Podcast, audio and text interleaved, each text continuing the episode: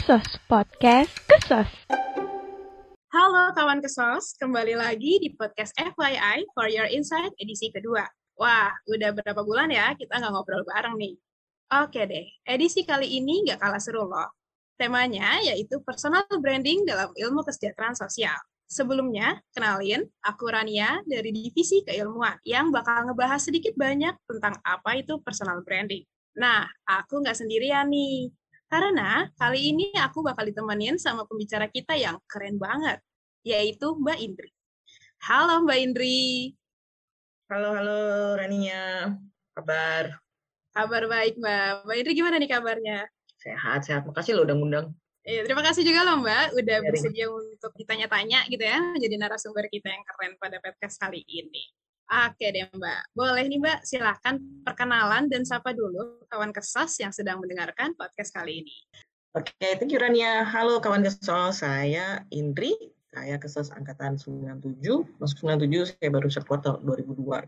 Lima tahun lah saya untuk lulus. Setelah lulus, saya kebetulan langsung sekolah, dan setelah itu baru saya mulai bekerja di Palamera Indonesia sebagai eh, di bidang penanggulangan bencana. Setelah saya kerja kurang lebih satu setengah tahun, tapi karena lumayan capek dan lumayan sering masuk rumah sakit ya gara-gara sering ke lapangan akhirnya saya pindah ke bidang HR bidang HR saya mulai dari perusahaan swasta lalu saya melanjutkan dan memulai pengalaman saya di international organizations pertama kali saya bekerja di Oxfam untuk di Aceh lalu dilanjutkan saya bekerja di habis dari Oxfam itu saya pindah ke Jakarta untuk bekerja di USAID Contractors setelah itu saya masuk ke UN dan setelah itu saya UN UN UN World Bank ASEAN Secretariat dan back to UN and terakhir sekali itu Pameran Internasional kembali based di Kuala Lumpur. Itu aja mungkin ya. Lebih lengkapnya lagi silakan cek silakan apa kalau bahasa sekarangnya kepoin ya. Silakan kepoin LinkedIn saya. Kalau misalnya teman-teman mau connected juga silakan. Add saya di LinkedIn. Thank you Wah, keren banget. Terima kasih Mbak Indri, pengalamannya sangat luar biasa ya. Bagian aku izin recap lagi nih sedikit pengalaman Mbak Indri yang tadi udah diceritain.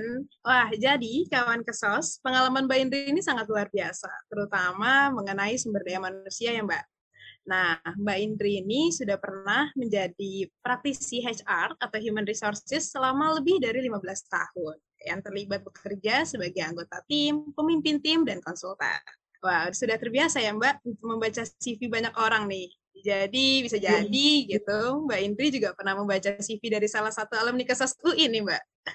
Iya ini nggak pernah loh saya loh dapat CV-nya alumni Kesas. Ayo dong, kalau kapan nanti saya kerja di mana, saya kabarin deh. Jadi pada apply yuk. Wah, menarik. Pas banget nih sebelum apply nih bisa nih, bisa nonton podcast ini ya, bisa dengerin podcast ini dulu gitu. Karena pas banget bahasan kita pada hari ini itu ada dua topik perbincangan, yaitu personal branding dalam ilmu kesejahteraan sosial dan penerapannya oleh mahasiswa kesos. Wah, sepertinya kawan kesos semakin tidak sabar nih, karena aku sendiri juga nggak sabar. Langsung aja ya Mbak, kita masuk ke perbincangan di episode pertama, edisi kedua. Oke, melihat pengalaman dan keahlian Mbak Indri, aku jadi penasaran Mbak, seperti apa sih Mbak Indri memandang personal branding itu? Oke, thanks Rania. Sebenarnya buat saya ya, buat saya sebagai praktisi ya, kalau melihat personal branding itu adalah bagaimana orang membangun reputasi atau keberadaan diri. Jadi gimana sih kita mau orang itu lihat kita. Nah, kalau saya saat ini, seperti yang Rania bilang tadi, saya mau orang melihat saya sebagai seorang HR professional, HR practitioner pada saat saya bekerja. Pada saat saya di luar, ya di luar pekerjaan, ya otomatis saya mau orang melihat saya sebagai, let's say, Indri yang baik hati atau Indri yang silly. I mean, it has to come with a certain position lah, where you at and what role are you doing at that point of time. Itu menurut saya. Kalau begitu, mengapa ya Mbak personal branding ini perlu dipahami oleh kita nih sebagai mahasiswa KSOS?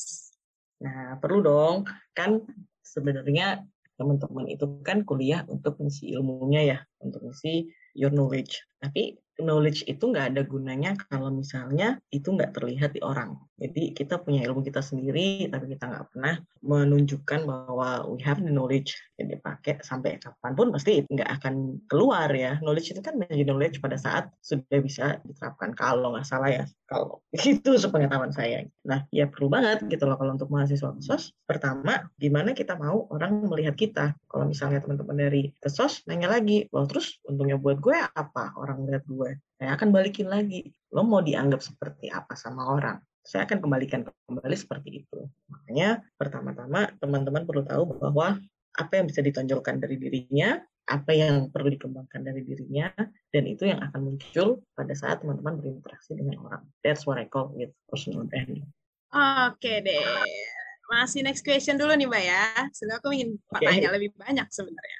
Menurut okay. Mbak Indri nih, mungkin tadi udah sempat dimention juga ya beberapa halnya, tapi aku pengen tahu lagi nih lebih lanjut, apa aja sih Mbak hal-hal yang perlu diperhatikan oleh mahasiswa kesos dalam menerapkan personal branding ini? Oke, okay. paling penting banget, self-awareness, know who you are, know what you are, know what you can do, and what you cannot do. Ya kan? Jadi kalau kayak tadi saya kasih contoh, Indri, saya tuh mau Indri itu yang kayak apa? Indri seperti apa? Indri yang bisa apa? Indri yang nggak tahu apa? I mean, I don't mind people know that I don't know something. Saya pengen sedikit interaksi sama Rania deh. Kalau Rania self-awareness, if I ask you, Rania siapa sih? How do you explain yourself? Wah, jadi aku yang ditanya ya? Oke, okay. Kalau aku mungkin kepada siapa dulu aku memperkenalkan diri sih Mbak. Dan saya kayak uh-huh. aku memperkenalkan diri dengan Mbak Indri gitu ya. Saat itu aku uh-huh. akan branding diriku bahwa aku adalah mahasiswa kesos angkatan sekian. Aku aktif di kegiatan dalam kesos itu di bidang divisi keilmuan. Kemudian uh-huh. aku branding dikit nih karena aku lihat Mbak Indri ini ada record-record experience juga di UNICEF, UN. Jadi aku sedikit branding diriku. Aku juga sedang mengikuti kegiatan pengabdian masyarakat nih gitu. Cuma spesifikasinya oh. di bidang pendidikan gitu mbak. Exactly. Udah pas Berarti kan kamu jualan dong, kamu jualan dong ya kan? Betul kamu melihat sih, mbak. saya, kamu melihat saya sebagai mm -hmm. potential recruiter, right? Right. So you have to brand yourself, you have to brand yourself, and then you have to sell yourself. Eh, mbak, gue ikut di Limas loh, concern gue di education loh. Nah, di kepala saya, brand itu masuk. Jadi pada saat nanti, let's say saya lihat ada ada opening, job opening untuk education, fresh graduate cari untuk education, I'll definitely will call you, I'll let you know. Meaning your personal branding lumayan berhasil nih lebih berhasil lagi kalau nanti kamu dapat kerjaannya gitu kan. Kasar-kasarannya simple ya seperti itu. Jadi mudah-mudahan dengan contoh yang simple ini teman-teman bisa get the point ya. Itu kenapa kita perlu tahu apa kita perlu tahu siapa kita kita perlu tahu juga minat kita kelebihan kita dan your areas of development. Jadi itu yang harus diperhatikan sama kawan kasus. Oke deh, wah baru tiga pertanyaan tapi seperti udah seru banget ya, udah banyak banget pertanyaan yang mungkin dari sendiri aku sendiri pengen tahu lebih lanjut gitu ya. Oke, sebelumnya nih kayaknya dari tadi hanya dari divisi keilmuan ya yang aku coba bawakan pertanyaannya gitu ada tiga. Nah nggak adil banget nih kalau kita nggak open question untuk kawan kesos lainnya. Anyway, aku ada satu pertanyaan dulu nih Mbak di sesi pertama ini itu dari kawan kesos lainnya. Pertanyaannya itu, apakah kita bisa tetap membangun personal branding yang sesuai kepribadian kita atau kita harus membangun personal branding yang justru sesuai dengan persyaratan atau sasaran pekerjaan? Good question. Gini, mungkin kalau di kepala saya sih beda ya antara persona dan personal branding. Nah, kalau persona itu kan, ini kan ada ngomongin soal sesuai dengan persyaratan pekerjaan. Kalau persona itu kan lebih kita ngikutin apa yang lingkungan kita mau gitu loh. Kita mau misalnya, saya lagi main di saya nggak pernah sih ya cowok karena teman-teman saya nggak ada yang artis gitu. Cuman misalnya kita lagi main sama yang artis gitu. Dan pasti kita akan sebisa mungkin untuk mengeluarkan persona kita yang untuk menjadi sebuah figur yang sempurna supaya bisa par bisa sama sama teman-teman kita yang yang seleb lah. Cuman beda dengan personal branding. Kalau personal branding kan udah nempel ada di kita. Jadi karena itu sudah sekian lama terbentuk kalau balik lagi ke pertanyaan yang sebelumnya ini bahwa kita harus self aware bahwa kita harus paham dulu akan diri kita. Nah makanya kalau misalnya kita mau mencari pekerjaan nih Ya, kalau menurut saya sih karena kita tahu personal branding kita apa, kita tidak perlu susah-susah lagi untuk memaksakan diri menyesuaikan dengan persyaratan tersebut. Karena at some point, kalau kita memaksakan diri untuk menyesuaikan, pasti nggak akan masuk ya.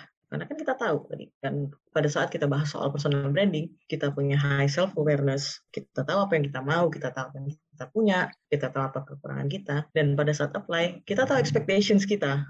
It's good to maintain our own expectation. Jadi kalau persyaratan pekerjaannya jelas-jelas mengatakan bahwa pengalaman di bidang let's say drugs abuse and then you don't have the experience, maka pada saat teman-teman fake it atau cuma sekedar menuliskannya di CV, seorang recruiter akan tetap tahu bahwa no, this is not correct. Ya, karena itu akan muncul pada saat interview. Beda kalau memang teman-teman sudah memiliki personal branding tersebut. Misalnya kita ngomong education, tadi kan kamu minatnya education, saya, saya balikin lagi ke kamu deh. Minatnya education, posisi yang dicari untuk education. Passionnya ada di situ. Jadi pada saat kamu menjelaskan, pada saat kamu menuliskan, itu akan muncul.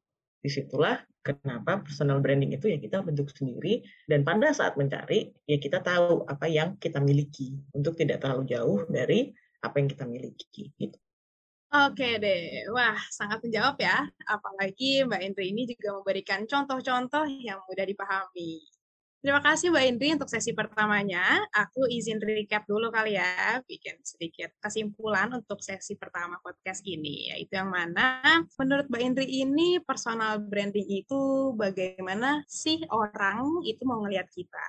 Bagaimana mungkin dari sisi pekerjaan dan di luar pekerjaan itu melihat kita. Kemudian apakah perlu personal branding dipahami oleh mahasiswa kesos? Ya perlu banget karena itu bisa melihat bagaimana knowledge yang kita miliki itu dapat dilihat orang lain. Terutama untuk mahasiswa kesos nih ada dua poin nih. Yang pertama, gimana orang mau melihat kita. Dan kalau ngebahas tentang untungnya itu apa sih? Yaitu kamu mau dianggap seperti apa oleh orang lain gitu. Apa sih yang bisa ditonjolkan dan apa yang bisa dikembangkan dari dirinya. Nah, itu juga akan muncul dari interaksi yang dilakukan dilakukan oleh orang tersebut. Kemudian apa aja sih yang perlu diperhatikan oleh mahasiswa kesos dalam menerapkan personal branding? Tadi Mbak Indri sempat mention nih kawan kesos. Yang pertama itu yang terutama juga adalah self awareness. Kemudian itu ada know what you are, know what you can and can't do. Jadi perlu tahu juga nih minat dan juga kelebihan dan area pengembangan diri kita itu ada di mana sih? Gitu. Nah, dengan tools ya ini ya melalui personal branding. Kemudian tadi juga merespon dari pertanyaan kawan kesas yang masuk. Jadi Mbak Indri ini memandang perbedaan antara persona dan personal branding. Kalau persona itu lebih kepada bagaimana sih yang lingkungan inginkan gitu terhadap individu. Kemudian kalau kita bicara tentang personal branding nih, itu lebih kepada untuk menyesuaikan diri dengan pekerjaan yang sesuai atau minatnya tadi. Jadi kita sudah tahu terlebih dahulu nih kita minatnya di mana, ekspektasi terhadap diri sendiri itu seperti apa, sehingga kita tidak perlu memaksakan diri seperti itu. Wah, nggak terasa ya, kita sudah sampai di penghujung perbincangan bersama Mbak Indri pada episode pertama podcast FYI edisi kedua. Aku, Rania, pamit undur diri. Sampai jumpa lagi ya di episode selanjutnya ya kawan kesos.